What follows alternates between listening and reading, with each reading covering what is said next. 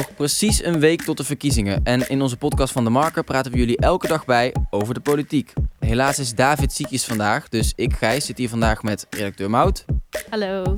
en met Romy. Hi. En Romy kunnen jullie wel kennen van onze video's. Welkom Romy, heb je er een beetje zin in vandaag? Oh. Ik heb er zo zin in. Ja, want jij bent een, een politieke junkie. Ja, 100 procent. Ja. nee, hartstikke leuk dat je erbij bent. Eh, normaal stelt David mij altijd de vraag of ik nou zweef als kiezer. Mhm. Dat is nog zo. Maar hoe, hoe is dat bij jou, Romy? Ben jij er al een beetje uit wat je Ik- gaat stemmen? Ja, ik ben er zeker weten uit. Ja? Ja. En hoe ben je erachter gekomen? Ehm, nou, mijn vriendin zit in de politiek. Kijk aan. Ja, ze is nummer 6 bij 1. Dus die heeft jou overtuigd. Ja, eigenlijk wel. Ja, nou, ik ben sowieso al hartstikke fan van haar, maar ze doet het echt geweldig. Zoals elke dag eh, bespreken we het onderwerp dat we die dag hebben behandeld in onze video, op TikTok en op Instagram. En vandaag is dat populisme. Daar praten we hier aan tafel nog even over door.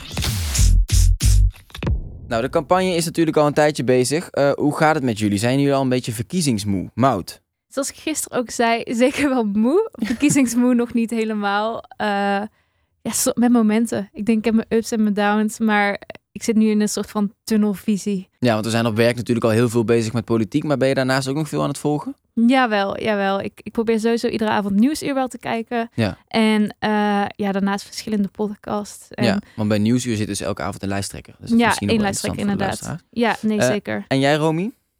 Volg jij dingen buiten, eh, buiten werk nog een beetje over de politiek? Ja, zeker wel. En nou ja, ik zit er sowieso al middenin bij jullie op de redactie. Ehm, maar ik eh, volg het wel op de voet in het nieuws.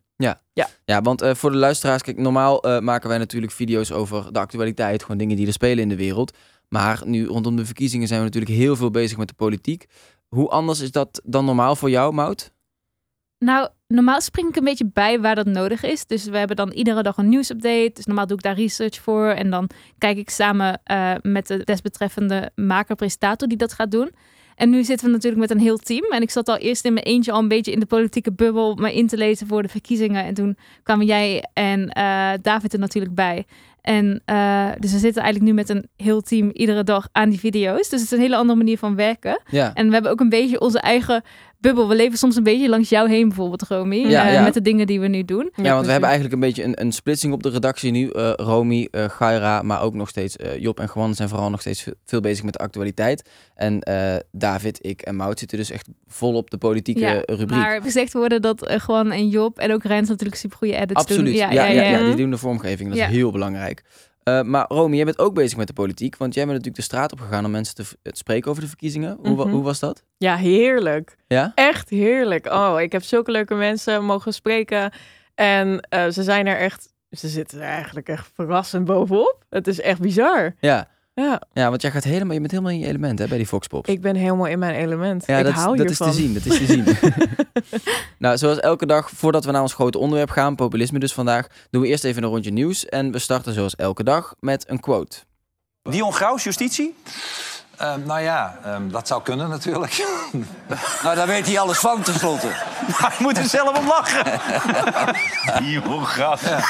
nou ja, misschien Dion Gauws meer de, de staatssecretaris voor dierenzaken. Dan. Ja, dat Ja, lijkt me ook, ja. Ja, dit was dus bij Vandaag Inside eh, en het ging over Dion Graus. Maar hier aan tafel zaten Geert Wilders van de PVV, eh, Wilfred Gené, René van der Gijp en Johan Derksen. Die Dion Graus die staat op nummer 12 of 14 geloof ik van de lijst van PVV. eh, en daar was van alles mee aan de hand ooit. Mout, leg eens uit. Inderdaad, er zijn meerdere vrouwen geweest die zich hebben uitgesproken en ook aangifte hebben gedaan over dat hij hun mishandeld zou hebben. Zijn ex-vrouw zei dat hij haar gedwongen zou hebben seks te hebben met zijn beveiligers. Oh. Ehm, ja, en er gaan dus meerdere verhalen rond. En uiteindelijk heeft het OM heeft het niet meer vervolgd, eh, want het was niet genoeg bewijs. Maar wat ik zeg, eh, ja, als meerdere vrouwen zich uitspreken, dan denk ik toch wel, ja, waar eh rook brandt, is misschien wel vuur. Ja, ja, zeker zullen we het nooit weten. Maar goed, eh, Geert Wilders blijft in ieder geval pal achter die Dion Graus staan. Hij noemt hem nog steeds, ook hier in deze uitzending, een geweldige collega. Er waren ook aantekeningen van fraude tegen hem. Ook nog. Dus het is, eh, ja, dus het is Oh, een lekker type. weinig bewijs. Ja, Weinig bewijs. weinig bewijs, veel aanwijzingen. Dat wel. maar eh, over vandaag in Zuid... conclusies. Over Vandaag in Zuid in het algemeen. eh, ja, die hebben dus af en toe lijsttrekkers over de vloer daar. maar dat was natuurlijk eerst voetbal inside.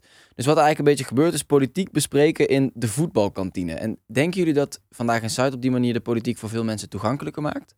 Ja. Ja? ja, zeker weten.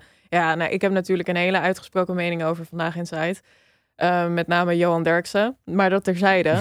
ik eh, denk dat het zeker weten wel de drempel verlaagt ook. Want je trekt een bepaald publiek aan. En ja, die moeten ook wel geïnformeerd worden over wie ze nou eigenlijk moeten gaan stemmen. Ja, nou, nou proberen wij natuurlijk ook wel een beetje de politiek toegankelijk te maken. En ik hoop zelf op een betere manier. Zeker. Ehm, en eh, dat gaan we nu ook weer proberen over populisme.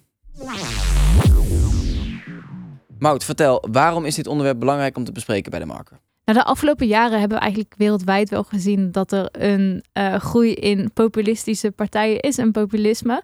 En eh, ik denk dat heel veel mensen bij die term toch wel een beetje afhaken. ja, maar oké, wacht eventjes. Wat is populisme nou eigenlijk? Je moet eigenlijk populisme zien als iets dat in aanvulling gaat met andere ideeën. Dus de basis van populisme is dat ze eigenlijk heel erg anti-elite zijn. En ze zeggen Mhm. dat ze de stem van het volk zijn. Ja, volk Maar- tegen de elite. Ja, Ja. maar wie dan weer die elite is en wie het volk, dat verschilt weer per idee waarmee je het aanvult. Dus het soort van cocktail waarmee je het aanvult.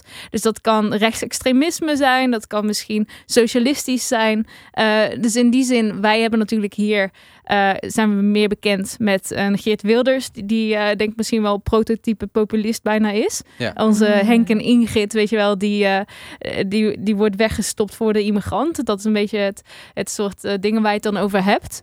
Ja. Ehm, En is, ehm, is, is populisme nou iets wat erg is of moeten we juist blij zijn dat het er is? Nou, blij zijn niet.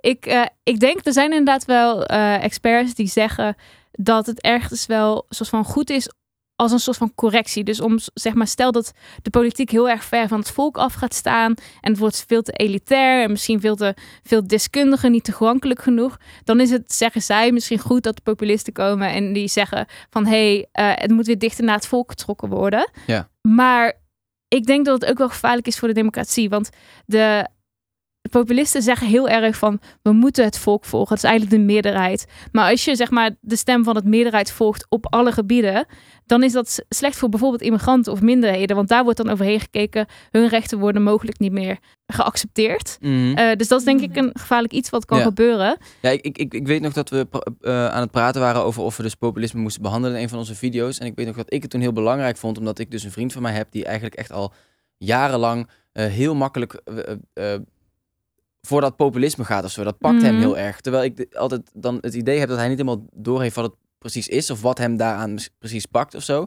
Maar wat, pa- wat pakt hem dan zo? Nou, ehm, ik, ik, ik, ik denk dus dat, dat dat opkomen voor het volk en zo. En hij is al een paar keer er daarna ook van teruggekrabbeld. Dat hij daarna dacht van, oké, ja, volgens mij wordt hier toch iets uitvergroot... Wat dan, wat dan toch niet helemaal zo groot is als dat het lijkt. Eh, en dan heb ik Mhm. ook een paar keer tegen hem gezegd van... volgens mij ben je toch een beetje gevallen voor bepaalde praatjes of zo. Ehm, Ja. Dus daarom vond ik het interessant om dit te bespreken. Maar wist jij al wat populisme was eigenlijk, Romy? Nee, absoluut Nee? niet. Oké, Nee. dus jij bent ook hartstikke veel opgestoken na het kijken van deze video straks. Zeker Oké, weten. nou dat is hartstikke mooi. Dat is, dat is precies wat we proberen te bereiken natuurlijk. Onze video gaat natuurlijk een beetje over de vraag van hoe herken je nou een, eh, eh, een populistische partij? Hoe herken je populisme? Mout, kunnen we dat even in deze podcast nog even een keertje concreet maken? Ja, ik denk dus vooral als mensen heel erg soort van gaan praten voor het volk en wij en eh soort van die elite, of het nou Europa is of het partijkartel. Ik denk dat dan wel een alarmbel moet gaan rinkelen. En als ze dan helemaal, als ze dan minderheden, de rechten van minderheden minder belangrijk vinden, dan heb je mogelijk wel een populist. Dus denk dan misschien nog even twee keer na op wie je stemt. Oké, nou, nou we dat eh, duidelijk hebben, Romy, kijk, dan, eh, dan ben je ook weer wat opgestoken van deze podcast. Echt fantastisch. Zeer. Morgen is het vrijdag en dat betekent even geen podcast. Morgen nemen we in onze video afscheid van Rutte, want dan ga jij of Gaira weer even de straat op om wat vragen te stellen aan de mensen. Ehm, hebben jullie nog een kijk- of luistertip rondom de politiek voor de luisteraars? De marker. nou, hartstikke mooi. Dan weten de mensen wat ze moeten doen. Ik luister sowieso iedere ochtend de stemming van Vullings en van de Wulp. Ze hebben dan ook een soort van een overzicht ook van media optredens van politici die de dag daarvoor zijn gebeurd. Dus ik denk dat dat altijd wel goed is als je een overzicht wil. Dus ga dat zeker luisteren en dan eh, zien we jullie volgende week weer. Doei!